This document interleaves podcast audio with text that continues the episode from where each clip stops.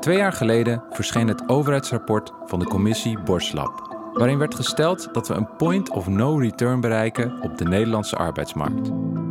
Als we willen dat er voor iedereen goed geregeld werk is in ons land, moeten we direct de arbeidsmarkt hervormen. In de eerste aflevering van deze podcastserie sprak ik met de auteur van dat rapport, Hans Borslab. En dit is wat hij zei.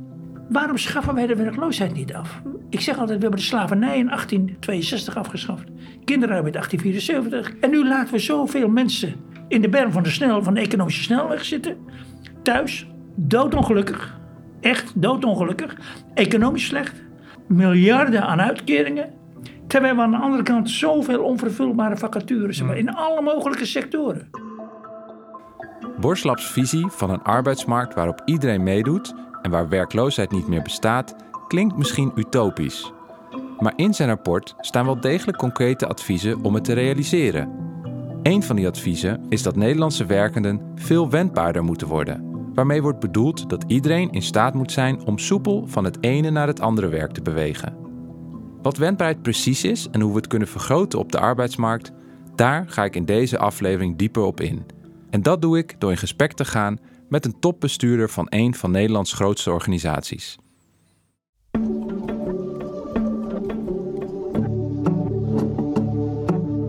Mijn naam is Hans Bustra. Ik ben documentairemaker en journalist en je luistert naar Goed Geregeld Werk. Een podcast van Randstad Groep Nederland waarin ik een antwoord zoek op de vraag hoe we werk in ons land weer voor iedereen goed kunnen regelen en een inclusieve en eerlijke arbeidsmarkt kunnen creëren. Gezien de enorme krapte op de arbeidsmarkt zou je zeggen dat er momenteel voor iedereen meer dan genoeg werk is. Toch zitten honderdduizenden mensen thuis zonder werk en zijn er mensen met werk die maar nauwelijks rondkomen. In deze aflevering spreek ik met Janine Vos over een van de oorzaken van deze merkwaardige situatie.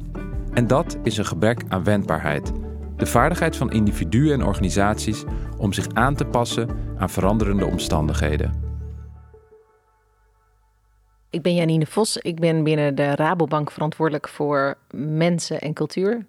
En ik zit ook in de groepsdirectie. Uh, wat wil zeggen dat je als bestuurder verantwoordelijk bent voor de bank. Ik zou bijna zeggen, werk is mijn passie. Maar dat is niet meer denken over werk en de toekomst van werk. Dat is wel een passie die ik heb. Janine Vos begon haar carrière met een commerciële functie binnen KPN. Maakte daar de switch naar HR en werd er Chief Human Resource Officer. In 2017 maakte ze de overstap naar diezelfde functie bij de Rabobank, waar ze nu verantwoordelijk is voor de loopbanen van 38.000 medewerkers wereldwijd. Ze is daarnaast lid van de Raad van Commissarissen van KLM en spreekt zich publiekelijk dikwijls uit over maatschappelijke thema's als ongelijkheid, diversiteit en inclusie. En ze maakt zich zorgen over de Nederlandse arbeidsmarkt. De gemiddelde arbeidsduur in Scandinavië is 41 jaar en bij ons is het 31 jaar. Serieus? 10 jaar verschil. Hè? Dus als je het over arbeidsproductiviteit hebt. Zo. Bij ons is er heel veel eh, regels en procedures. In Scandinavië gaan, gaan ze eigenlijk vanuit dat er geen werkeloosheid is. En gaan ze gewoon kijken hoe kan jij je elke keer ontwikkelen, zodat je telkens relevant bent.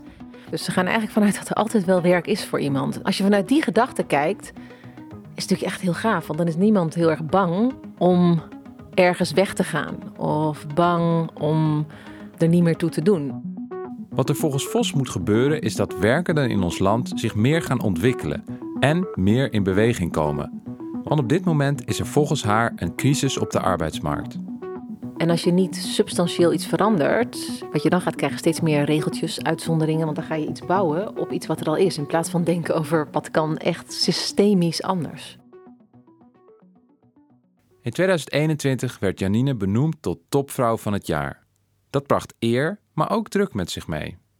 Tegelijkertijd besef ik me ook dat ik heel veel geluk en heel veel sleutelfiguren in mijn leven gehad heb.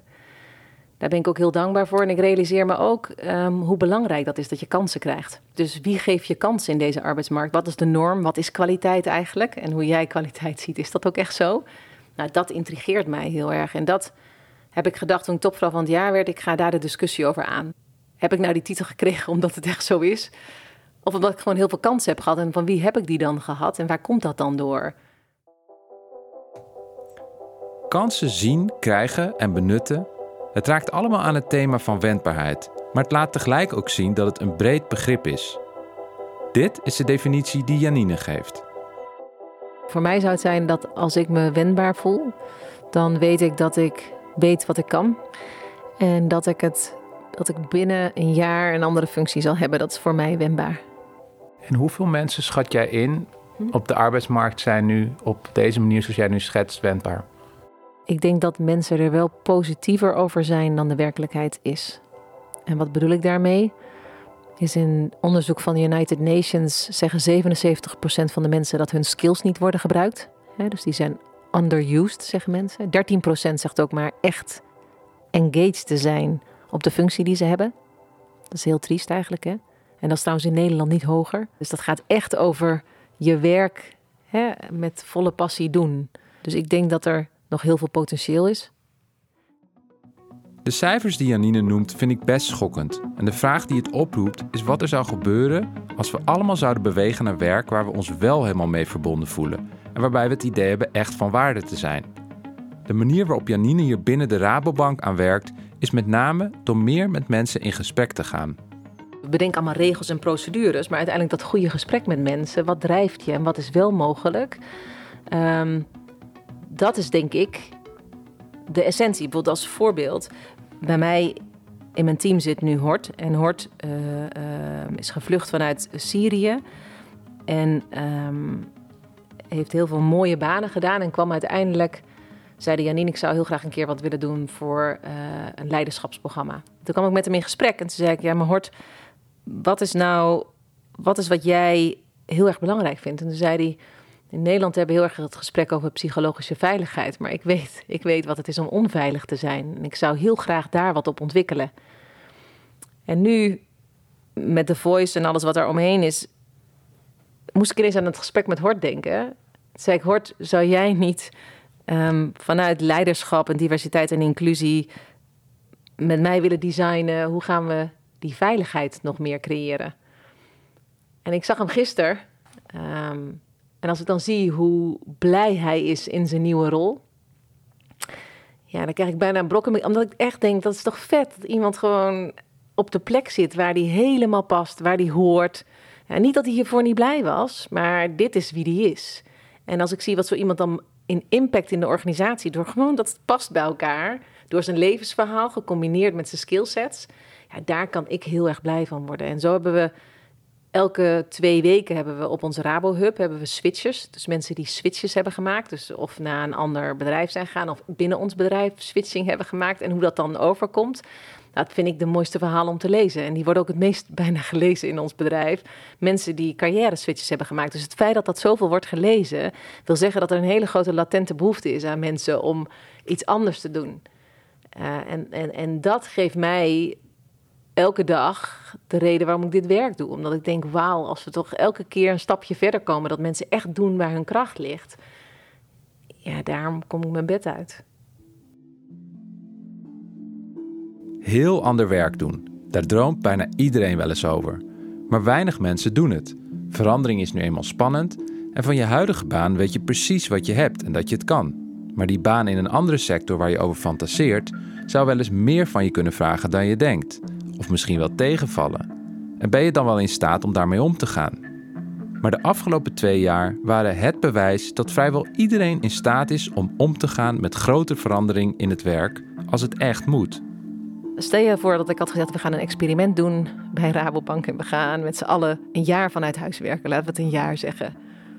Dan werkelijk was me nooit gelukt. Als je, was je weggestuurd, ja.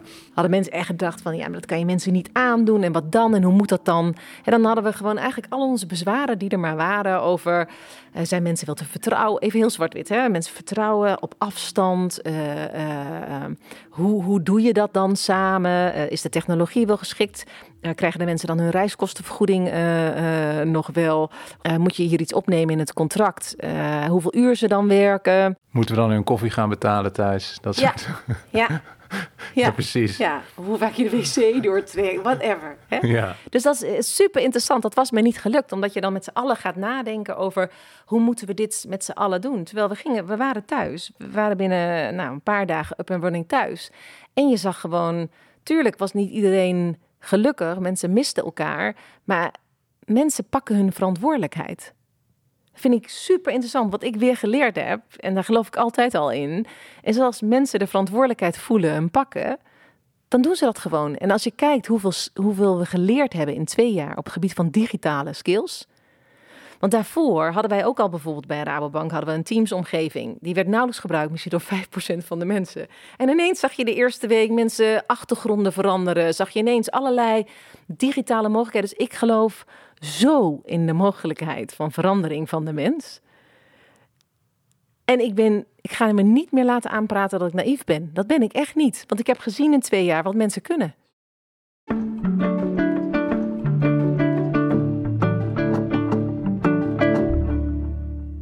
Wat ik geleerd heb tijdens corona, is dat toen we dus dicht gingen, zeg maar, hè, eh, betekende ook dat heel veel mensen niet meer naar kantoor toe gingen. Hè. Dus onze medewerkers die in de banklokalen stonden, de, dagelijkse, de mensen van dagelijkse bankzaken, zagen we ineens dat daar minder werk voor was. Aan de andere kant nam het telefonieverkeer enorm toe.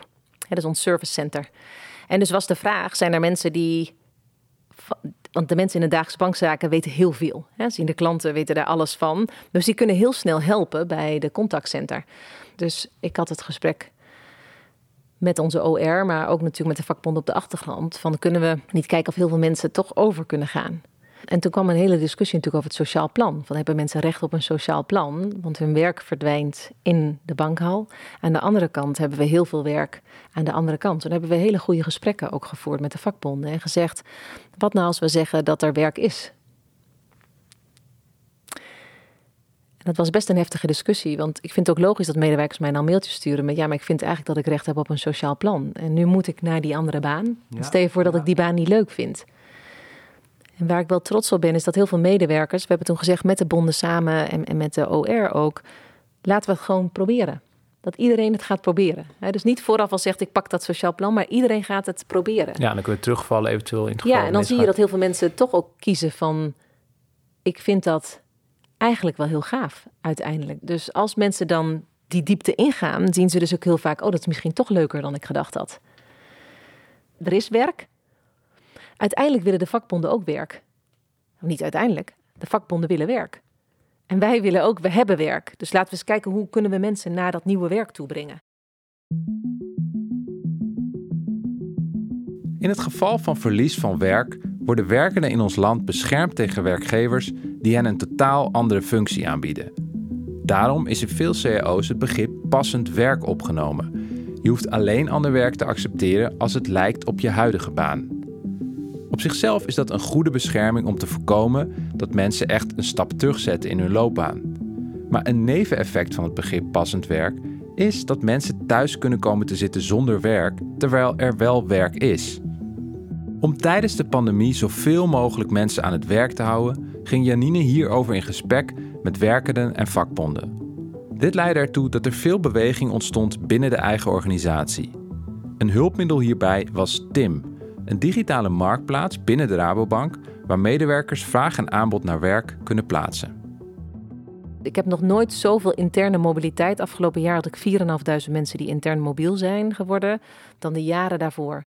Ik had een communicatieadviseur nodig. Die kon ik niet zo snel genoeg vinden op de externe arbeidsmarkt. Uiteindelijk heb ik die, die korte opdracht voor vier maanden bij Tim uitgezet. Eh, tijdelijke opdrachten. En daar zitten dus matchers. En die hebben aan de andere kant mensen die hebben aangegeven: ik wil wel tijdelijk werk doen. En dus die persoon zit nu bij mij en denkt: wauw, wat is die goed? Die wil ik eigenlijk houden. En zo komen er nieuwe verbindingen tot stand die niet waren gebeurd als de arbeidsmarkt zo krap was. Een ander mooi voorbeeld is, in de, we hebben de afgelopen jaren 5000 mensen aan moeten nemen op witwassen, anti-witwassen. Dat was geen vak op de universiteit, dat bestond niet. Dus we moesten eigenlijk gewoon een heel nieuw bedrijf. Ik zie nu dat daar een heel groot deel van door doorstroom. Gewoon dus tegen mensen zeggen: zou je dat nieuwe vak willen leren? Dan krijg je een opleiding. We hebben ook samen met een HBO-opleiding eh, hebben we gezegd van: nou ja, zou je onze mensen willen opleiden? En dan zie je dat heel veel mensen lukt dat gewoon. Totaal andere achtergrond, maar wel een binding met onze bank, binding met de cultuur van onze bank en ook wel ervaring, waardoor ze het best wel heel snel oppakken. Dus dat vond ik eigenlijk iets heel moois. Dat ik dacht, zie je, als je dus mensen kansen geeft en ze stappen daarop in en je hebt er een goede scholing bij, dan heb je dus een nieuw loopbaanpad. Onder leiding van Janine Vos is de Rabobank dus bezig met het inzetten op meer wendbaarheid van medewerkers. En dat lijkt behoorlijk succesvol. Maar de kritische kanttekening is wel dat dit een organisatie is met voldoende schaal en, niet onbelangrijk, budget om dit te doen. De grote vraag voor de arbeidsmarkt als geheel is hoe we niet alleen de wendbaarheid binnen organisaties, maar ook tussen organisaties en tussen sectoren kunnen vergroten.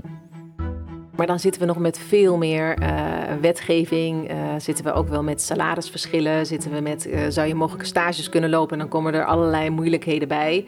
Maar laten we daar eens over nadenken, maar, want het is wel belangrijk. Ja, dus, dus als je zou willen dromen... Kijk, als het intern lukt, lukt het ook extern. Maar ik denk wel dat we in Nederland als werkgevers meer mogen denken... hoe kunnen wij mensen die wellicht een keer wat anders willen... ook loslaten. Um, en proactief naar andere bedrijven brengen waar ze nodig zijn. Um, tijdelijk toen um, bij KLM met, met, met vliegers die niet ingezet werden. Bij ons hebben we die uh, tijdelijk aan het werk gehad. Nee, dus dat je eigenlijk met andere bedrijven kijkt, waar heb jij een surplus? Um, en, en, en waar is een enorm tekort? En wat zouden we daaraan kunnen doen? Ja. Maar als je daar, hè, want jij wil dat ik doordroom. Kijk, wat ik, wat ik ook een heel mooi iets zou vinden, is we hebben natuurlijk een opleidingsbudget. En dat maken niet alle medewerkers op ik zou het eigenlijk wel mooi vinden dat elke medewerker bij de Rabobank dat ik vraag: zou ik jouw opleidingsbudget aan iemand in het onderwijs kunnen geven of uh, aan iemand bij de gezondheid in de gezondheidszorg? Dat je zelf mag kiezen waar het naartoe gaat. En dat je een soort opleidingsfondsen hebt. Want je hebt ook per bedrijf vaak, of per bedrijfstak opleidingsfondsen. Wat, wat nou als we die naar landelijke fondsen trekken? En waar het MKB bijvoorbeeld die misschien niet automatisch geld hebben voor uh, opleidingsfondsen, dat mensen daarvan opleidingen kunnen betalen. Dat zal enorm helpen. Er zijn heel veel grote opleidingsfondsen die nauwelijks worden uitgenut, terwijl er bedrijfstakken zijn waar er heel erg behoefte aan is. Ja, dus er zit, al dat geld zit in hokjes. Mensen maar geld is er wel. Ja. ja. maar geld is echt niet het. Dat is, dat is dus heel raar dat ik dat zeg. Maar ik denk niet dat geld de issue is dat mensen bijvoorbeeld in de werktijd bij ons die opleiding mogen doen. dat, dat, is, dat scheelt natuurlijk al. dat je tijd vrijgemaakt krijgt. En dat je zou kunnen zeggen van kan je mensen voor een deel tijdelijk een loonsuppletie bijvoorbeeld uh, gaan doen. Omdat het werk bijvoorbeeld toch al verviel. Dus waarom zou je een sociaal plan uitkeren als je ook al denkt van ik kan mensen in de transitie helpen voordat ik een sociaal plan moet uitkeren. Ah oké, dus dan heb je geld uit een sociaal plan gehaald. Ja. En als tijdelijke loonaanvulling gegeven, omdat de loon achteruit ging als ze naar nou, Dat soort dingen. Of dat, je of dat mensen helemaal niet van het sociaal plan, maar dat je tijd geeft om uh, daar naartoe te bewegen. Hè? Waardoor mensen ook soms tijd krijgen om uh, in een persoonlijke kant bijvoorbeeld te denken: nou, dan ga ik anders uh, huren of ik ga nou ja, anders leven. Dus dat mensen tijd geven om dat transitiepad in te gaan, maar ook zelf te kijken: zou ik het leuk vinden of niet? Want die eerste stap is best wel lastig. Hè? Uh, want misschien trekt het onderwijsje, maar weet je eigenlijk helemaal niet of je het echt wil. En vervolgens denk je, zit ik, zit ik hier en, en, en heb ik dit weg? Ik bedoel, die eerste stap is net als willen afvallen uh, of, of, of, willen gaan sporten. Dat, dat, als je eenmaal in de sportschool staat, is niet erg. Maar die, je schoenen aantrekken, dat moment dat je van de bank af gaat en je schoenen aan, dat is het moeilijkste. De deur open doet ja, om naar wat, buiten wat, te gaan. En hoe kunnen we dat doen? Hoe kunnen we zorgen dat mensen makkelijker die schoenen aandoen? Wat, wat zijn dan de, de, de trucs of de dingen die jij hebt gezien? Wat werkt bij mensen? Ja, ik denk dat je niet moet onderschatten uh, dat je eerst start met je financiële... Uh, wat heb je nodig? Hoe ziet je financiële situatie eruit? Ik denk dat heel veel mensen zich soms ook overschatten, maar soms ook onderschatten. Wat is je ruimte? Heb je een budget om te leren? Zet dat dan alsjeblieft in. Wat kun je zelf al doen om te blijven eh, leren?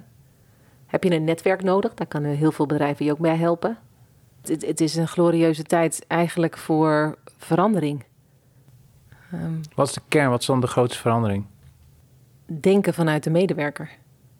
Waar jaren mijn vakgebied gedacht heeft vanuit we moeten managers helpen, zit ik wel echt nu op het pad ik ben er voor de medewerkers. Dus ik moet zorgen dat onze mensen in de organisatie zowel op engagement als op productiviteit de juiste dingen kunnen doen. Inspiratie voor zo'n arbeidsmarkt die wendbaarheid van individuen beter faciliteert, ziet Janine in Scandinavische landen. Wat ze in Scandinavië dus heel goed doen, is eigenlijk veel meer kijken naar banen die bij je passen. Het is veel meer op baaninhoud gericht. Bij ons is er heel veel eh, regels en procedures. In Scandinavië gaan, gaan ze eigenlijk vanuit dat er geen werkeloosheid is. En gaan ze gewoon kijken hoe kan jij je elke keer ontwikkelen, zodat je telkens relevant bent. En dus wordt werk echt gezien als iets zinnigs, iets nuttigs. Werk is leuk, geeft je identiteit, is belangrijk voor je.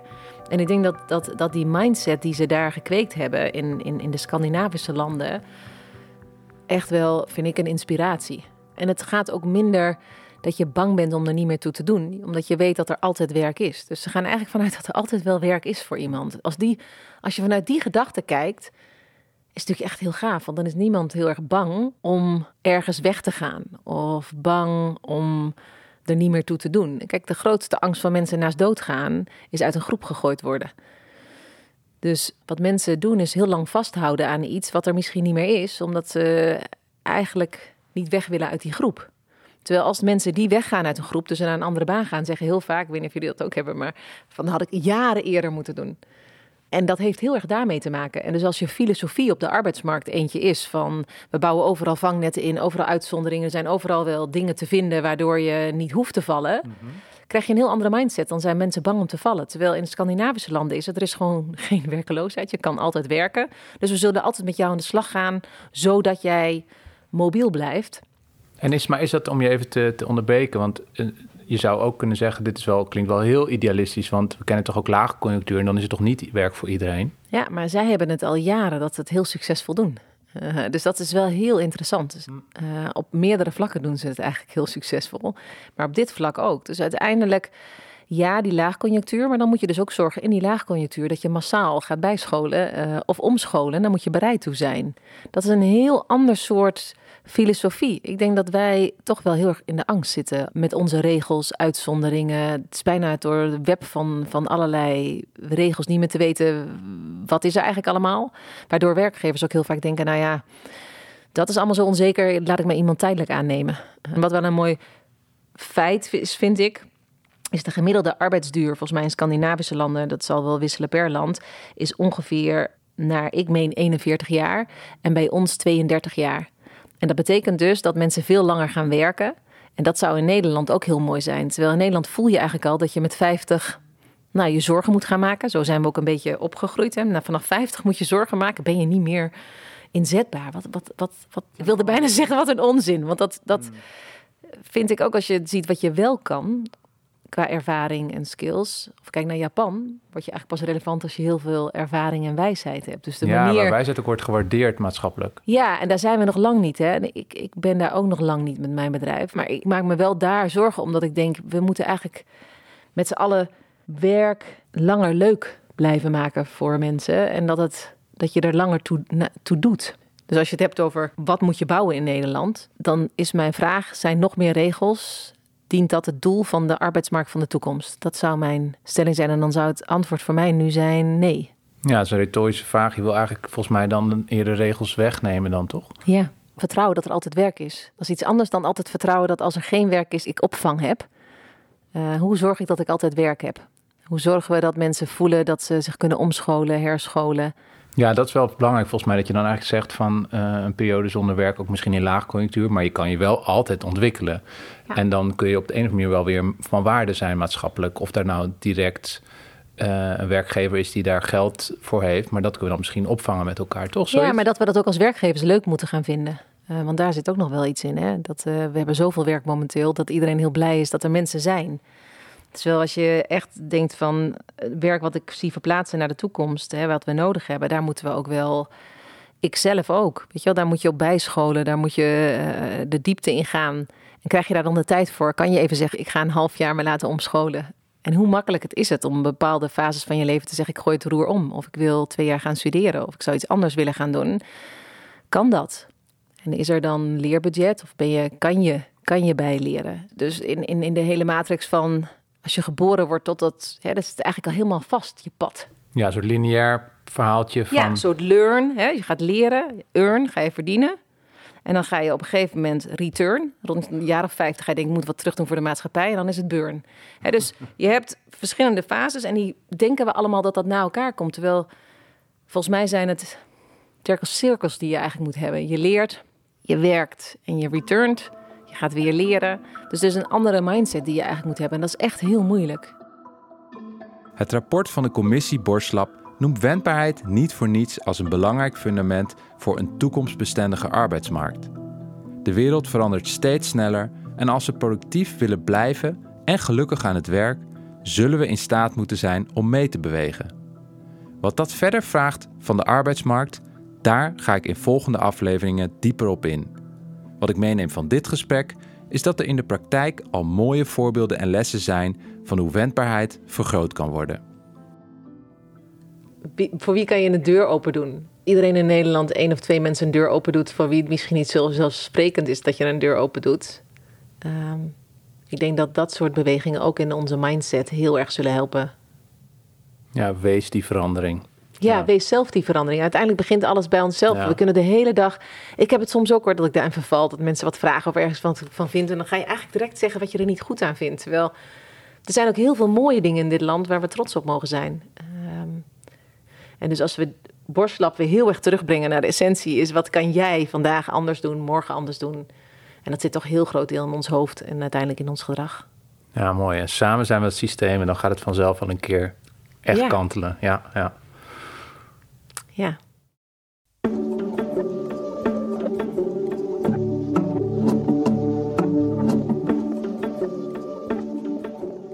Dit was Goed Geregeld Werk, een podcast van Randstad Groep Nederland. Mijn naam is Hans Bustra en ik hoop dat je blijft luisteren naar deze zoektocht naar een meer eerlijke en inclusieve arbeidsmarkt.